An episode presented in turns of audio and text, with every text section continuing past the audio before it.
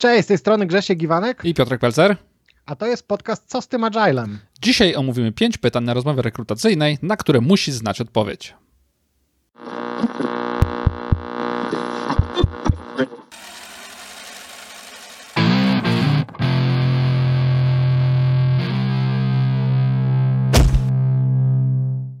Rozmawiamy w dzisiejszym odcinku o pytaniach, które mogą pojawić się na rozmowie rekrutacyjnej, jeżeli będziecie starać się o pracę jako Scrum Masterowie. I będą to pytania, które sami często słyszeliśmy, chodząc na rozmowy rekrutacyjne, starając się o pracę, ale również będą to pytania, które często zadajemy, prowadząc rekrutację. A ponieważ mamy dość duże doświadczenie w tej, w tej materii, chcemy się tym z Wami dzisiaj, dzisiaj podzielić. Także Piotrze, jakie było pierwsze pytanie z Twojej strony, na które kandydat powinien znać odpowiedź? E, pierwsze pytanie jest pytaniem, które zadaję za każdym razem podczas rekrutacji. Brzmi ono, dlaczego chcesz być Scrum Masterem? Zadając to pytanie, interesuje mnie, jak kandydat postrzega taką rolę i jak sobie wyobraża, e, jaką wartość wniesie do zespołu. Tak naprawdę to mnie najbardziej interesuje. Co sprawi, że ktoś zrobi różnicę? Jak rozumie tę rolę? Co, co uważa, że Scrum Master powinien robić, żeby wnosić wartość dodaną do zespołu? E, często po odpowiedzi, jaką usłyszę, zadaję też takie pytanie dodatkowe, e, które brzmi w zależności od tego, jak wcześniejsza rozmowa się toczy, mniej więcej tak, a jak wytłumaczysz w 30, w 30 sekund, kto to jest Scrum Master osobie, która nie słyszała nigdy o tym, nie, nie pracuje w IT? No to jest bardzo dobre pytanie, muszę Ci powiedzieć e, z mojej strony. Mm, najpierw chciałbym się odnieść do tej pierwszej części, bo muszę powiedzieć, że też będąc na rozmowie jako kandydat, wielokrotnie takie pytanie dostawałem i muszę powiedzieć, że w wielu przypadkach wręcz miałem poczucie, że od tego pytania, od tej odpowiedzi zależy przyszłość i dalszy ciąg tej rozmowy. Nie było istotne, jakie miałem doświadczenie, czy, yy, czy ile lat spędziłem na byciu Scrum Masterem. Pytanie było bardzo proste co wniesiesz do naszego zespołu, na czym się skupisz, co pokażesz, co ulepszysz, co nam da, że ciebie zatrudnimy. I uważam, że od tej odpowiedzi, którą każdy musi mieć przygotowaną, musi ją po prostu znać na, na rozmowie, zależy, zależy bardzo dużo. E, chciałbym trochę podyskutować w drugiej części Twojego pytania e, o tych 30 sekundach na wytłumaczenie, e, co robi, kim jest Scrum Master w zespole. Takie pytanie do ciebie, czy jak dajesz takie pytanie, to pozwalasz się kandydatowi przygotować na nie? Zostawiasz mu chociaż chwilę czasu, by sobie mógł ułożyć taką, taki elevator pitch, który będzie wygłaszał? No, czy to pytanie, w ogóle moje rozmowy rekrutacyjne są w dosyć luźnej atmosferze prowadzone, więc oczywiście jeżeli ktoś, e, tutaj nie, nie, nie nakładam presji czasu, bo to nie chodzi o to, że ktoś ma 30 sekund na udzielenie odpowiedzi, tylko chodzi o to, żeby się zastanowił i w krótki sposób zwięzły opowiedział to, żeby nie chcę usłyszeć odpowiedzi pięciominutowej, tylko właśnie jakby to tłumaczył swojemu znajomemu. Okej, okay, e, Mówię o tym dlatego, że kiedyś zdarzyło mi się dostać takie pytanie na rozmowie i osoba, która je zadała, e, powiedziała wytłumacz mi w ciągu 60 sekund, e, czym jest Scrum, po czym włączyła stoper na zegarku, jeszcze mi pokazała ten zegarek przed oczami. E, I, I, tak się właśnie zastanawiam, czy takie podejście jest na pewno najlepsze, nie, da, nie dawszy kandydatowi szansy przygotować się do odpowiedzi, bo jednak biorąc pod uwagę jakby pochodne tego typu pytań powiązanych na przykład z, nie wiem, wizją produktu, który będziesz robił, to jednak ci ludzie, którzy przedstawiają tą wizję w 30 sekund, mają czas, żeby ją przygotować i sobie jakoś ułożyć w głowie. I tylko dlatego zapytałem, ale to jest bardzo dobre pytanie, bo to też pozwala poznać, czy kandydat jest w stanie na w ten sposób postawione e, pytanie odpowiedzieć i wyjaśnić w zasadzie, co on będzie robił, jak widzi też siebie w tym, w tym zespole. Rzecz jasna, bez żadnego stopera, no w ogóle żenująca sprawa uważam. E, z mojej strony pytanie pierwsze, które, które chciałbym tutaj zaprezentować, e, to w zasadzie nie jest pytanie, to jest zadanie. E, I to jest zadanie, które otrzymałem jako pierwsze na pierwszej rozmowie, jak starałem się o pracę Scrum Mastera poza organizacją, w której zacząłem, zacząłem pracować mm, w tej roli. I to było zadanie, które brzmiało narysuj mi Scrum. Weź kartkę, weź ołówek, i przedstaw, jak ty widzisz ten framework, przedstaw wszystkie jego aspekty. I to jest zadanie, uważam, genialne. Stosuję je sam do tej pory i ono pokazuje od samego początku, jak kandydat przede wszystkim, czy rozumie, jak ten framework wygląda, czy kiedykolwiek pochylił się i chociaż jest w stanie otworzyć na przykład framework, który jest dostępny w internecie, taki podstawowy, bazujący głównie na, na mm, obrazku z, ze Scrumorga, czy jest na przykład w ten framework również w stanie wpleść dodatkowe rzeczy, których tam nie ma, jak na przykład wartości, jak na przykład filary, jak na przykład odpowiedzialności, które w zasadzie tam e, nie występują. E, I jednocześnie, czy jest w stanie to przedstawić w jakiś fajny, wizualny sposób, bo trzeba sobie też jasno powiedzieć, że jakaś taka zdolność wizualizacyjna, którą Scrum Master powinien posiadać, to jest bardzo duża zaleta, bo wielokrotnie może się okazać, że korzystając właśnie z tej zdolności, jesteś w stanie wiele rzeczy wyjaśnić i wiele rzeczy sprzedać. Więc uważam, że to jest bardzo dobre, bardzo pouczająca, y, bardzo pouczające pytanie. Y, I co więcej, niekiedy można naprawdę dowiedzieć się wielu interesujących rzeczy o frameworku, w którym pracujesz od wielu lat, bo niektórzy kandydaci tworzą tam wybitne dzieła. E, też bardzo lubię to pytanie i oczywiście od kiedy mi o nim powiedziałeś, to je ukradłem i również je stosuję. E, lubię to pytanie dlatego, ponieważ ono jest bardzo otwarte i w zależności, każdy na nie odpowiada w inny sposób. Ja akurat tutaj nie używam kartki, tylko raczej flipcharta z flamastrami i w zależności od tego, nie ma w ogóle złej odpowiedzi, tak? W zależności od tego, jak kandydat zaczyna to wizualizować, tworzy to mnóstwo okazji na pogłębianie poszczególnych elementów, takie pauzowanie tego zadania, żeby zgłębić dany element, który jest rysowany, omawiany i potem wrócić z powrotem poziom wyżej i iść dalej. Więc często jest to taki background, który służy mi przez zdecydowaną większość rozmowy kwalifikacyjnej. Zgadzam się. Pytanie trzecie. Pytanie trzecie dotyczy estymacji i ono pojawia się często przy okazji tego, że kandydat sam wspomni o estymacjach. Czy to powie o tym przy okazji planowania, czy powie to przy okazji refinementów. Ja z reguły to pytanie zadaję w momencie, kiedy temat jest poruszony przez kandydata i zadaję to w tej formie, że jak Twoim zdaniem zespół powinien wyceniać zadania? Jakie są opcje oraz wady i zalety różnych podejść? Oczywiście zdaję sobie sprawę z tego, że Scrum nic nie mówi o estymacjach wprost, więc jest takie pytanie e, no, spoza bazowego zakresu z bazowego, nie ma w ogóle w Scrum Guide odpowiedzi na to pytanie, ale ma ono na celu sprawdzenie zrozumienia różnych modeli estymacji, e, zrozumienie, jakie są wady i zalety poszczególnych, no i w ogóle zrozumienie e, tego, że w estymacjach najważniejsze jest to, że, żeby zespół zrozumiał wspólnie dane zagadnienie, a jeszcze lepiej wypracował wspólnie najlepsze rozwiązanie w oparciu o dyskusję, która ma prowadzić do estymat. Czy ty też zadajesz takie pytanie o estymację? Zadaję, ale zadaję bardziej e, również w kierunku, w jaki sposób kandydat poradziłby sobie z zaimplementowaniem wybranej przez siebie e, metody, jak przekonałby do tego zespół, ponieważ e, wydaje mi się, że to jest klucz w ogóle w pracy Scrum Master, żeby trafić do zespołu, żeby być w stanie z nimi pracować. I to jest e, jednocześnie największe wyzwanie, przed którym kandydaci stoją, bo bardzo łatwo jest przeczytać teorie poszczególnych elementów, nie tylko Scrama, ale w ogóle pracy i przyjść do zespołu i nie wiem, zrobić nawet krótką prezentację i powiedzieć, słuchajcie, wycena w taki sposób powinna być prowadzona tak, tak, tak i tak i takie są zasady. Natomiast co jest clue całego tego, tej pracy, to jest jednak przekonać ich do tego i również być w stanie zaadresować ich pytania. Bo na każdą metodę, którą sobie wybierzesz, pojawi się 7-10 różnych e, przedziwnych wątpliwości, które udowadniają, że ta metoda jest zła i kompletnie nie pasuje.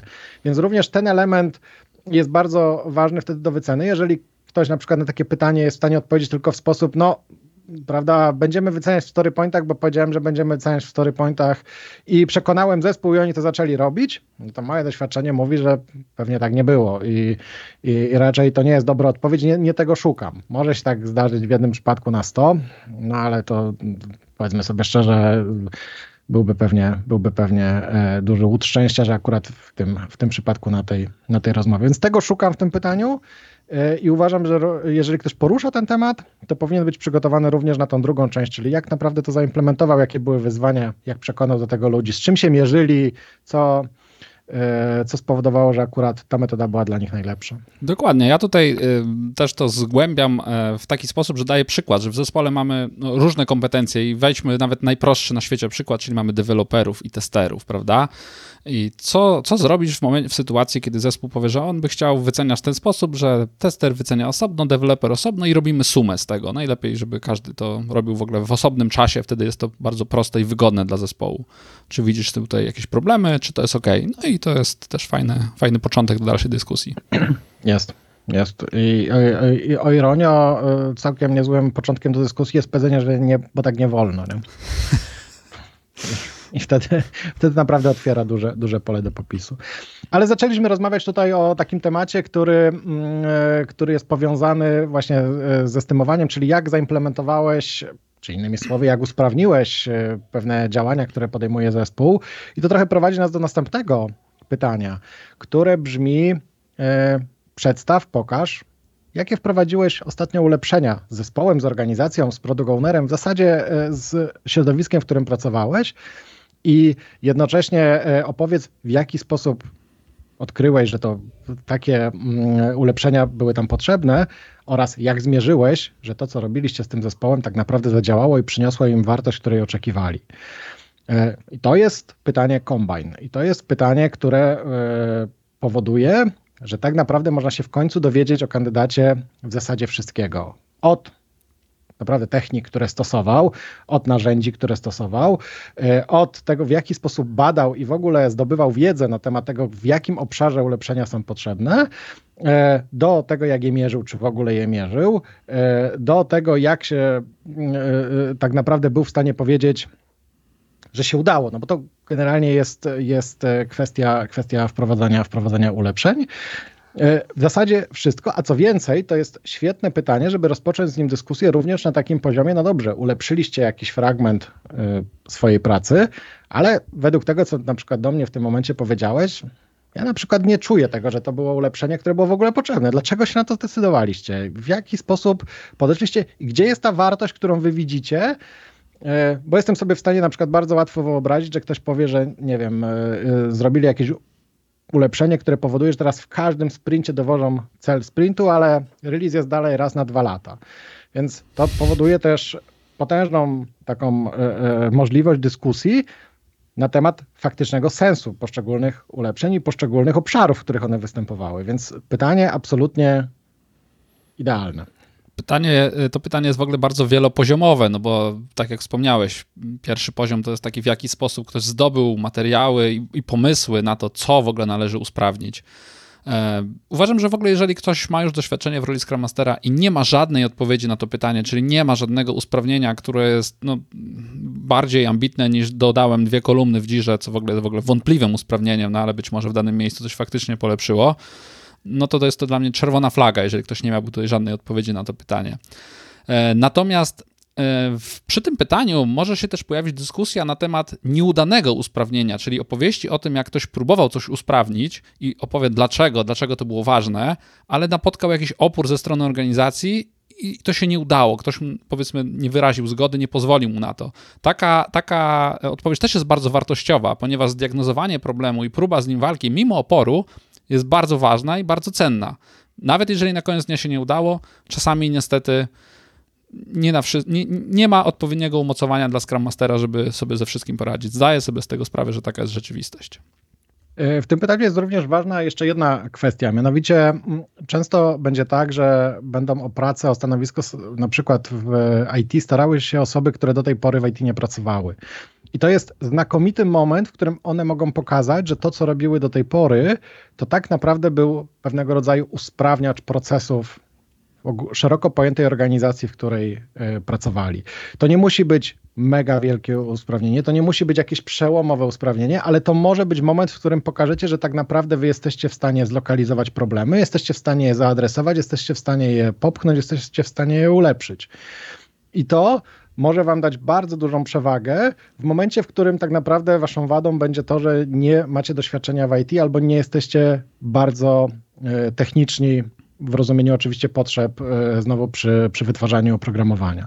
Dlatego też warto mieć takie e, rzeczy spisane, warto mieć takie rzeczy przemyślane i warto je prezentować. Dokładnie, wcale nie trzeba pracować w IT, nawet nie trzeba być Scrum Masterem, żeby robić usprawnienia, żeby wydobyć informacje, jakie to powinno być usprawnienie, zmierzyć, czy ono dało jakikolwiek efekt i pracować nad jego wprowadzeniem, sugerować wprowadzenie i facilitować tą zmianę. Więc to jest świetny, świetne pole do wykazania się właśnie w sytuacji, kiedy ktoś nawet nie miał doświadczenia jako Scrum Master. Zgadza się. Piotrze, pytanie piąte, ostatnie, pytanie na asertywność do Scrum Mastera. E, pytanie brzmi, którego elementu ze Scruma byś się pozbył, gdybyś musiał? Mówimy tutaj o wszystkich elementach, które są zawarte, ale w domyśle z reguły pytający mają na myśli, którego eventu byś się pozbył, bo jak wiadomo w Scrumie największym problemem jest to, że są spotkania, one zajmują cenny czas e, i nie ma kiedy pracować, gdyż jest się cały czas na spotkaniach. E, I to znowu jest pytanie, w zależności od tego, w jakiej znajdujesz się organizacji, do jakiej firmy kandydujesz i co ta firma chce osiągnąć, odpowiedź na niego prawidłowa może być dwojaka. Pierwsza może być taka, czy faktycznie będziesz w stanie pozbyć się jakichś e, spotkań, czy eventów, czy, czy, czy, czy mm, jakichś elementów, które w domyśle według tej organizacji przeszkadzają w pracy na przykład deweloperom i y, dzięki temu wykażesz się pewnego rodzaju zdolnościami organizacyjnymi. Lub oczywiście, jeżeli pracujesz, w- kandydujesz do jakiejś organizacji, która rozumie, czym jest e, Scrum i że należy go raczej stosować w całości niż tylko i wyłącznie częściowo, e, wtedy raczej na pewno lepszą odpowiedzią będzie e, zaadresowanie tematu w taki sposób, że być może to, że chcemy usunąć jakiś kawałek e, tego frameworka, wynika po prostu z jego braku zrozumienia i zapewne robimy coś tam wyraźnie źle, skoro to wszystkim przeszkadza. E, Niemniej jednak e, warto się zastanowić nad tym, gdyby takie pytanie się pojawiło, bo mnie, prawdę powiedziawszy, spotkało to pytanie e, kilka razy na przeróżnych rozmowach, na których, na których byłem. I za każdym razem mam takie wrażenie, że to jest takie pytanie bardziej sprawdzające, czy na przykład ten Scrum Master faktycznie będzie stał na straży zwinności Scruma, czy tak przy pierwszej nadarzającej się okazji, jak mu ktoś powie nie rób retro, to powie okej. No, właściwie powiedzieć, że to jest przecież bardzo proste pytanie. Można się pozbyć retro i po co to komu? Daily. Natomiast, natomiast e, kiedyś e, właśnie przy, przy jednym retro, który prowadziłem gościnnie w zespole, w którym na co dzień nie pracowałem, ale nie mieli oni własnego Scrum Mastera, no i poprosili mnie o facylitację e, retro. No i w pewnym momencie e, podczas dyskusji na, na temat e, planowania, że trwa ono bardzo długo, padło takie zdanie, które no, wyryło mi się w mózgu i nie zapomnę go nigdy, ponieważ jedna dziewczyna powiedziała, że tracimy strasznie dużo czasu na komunikację.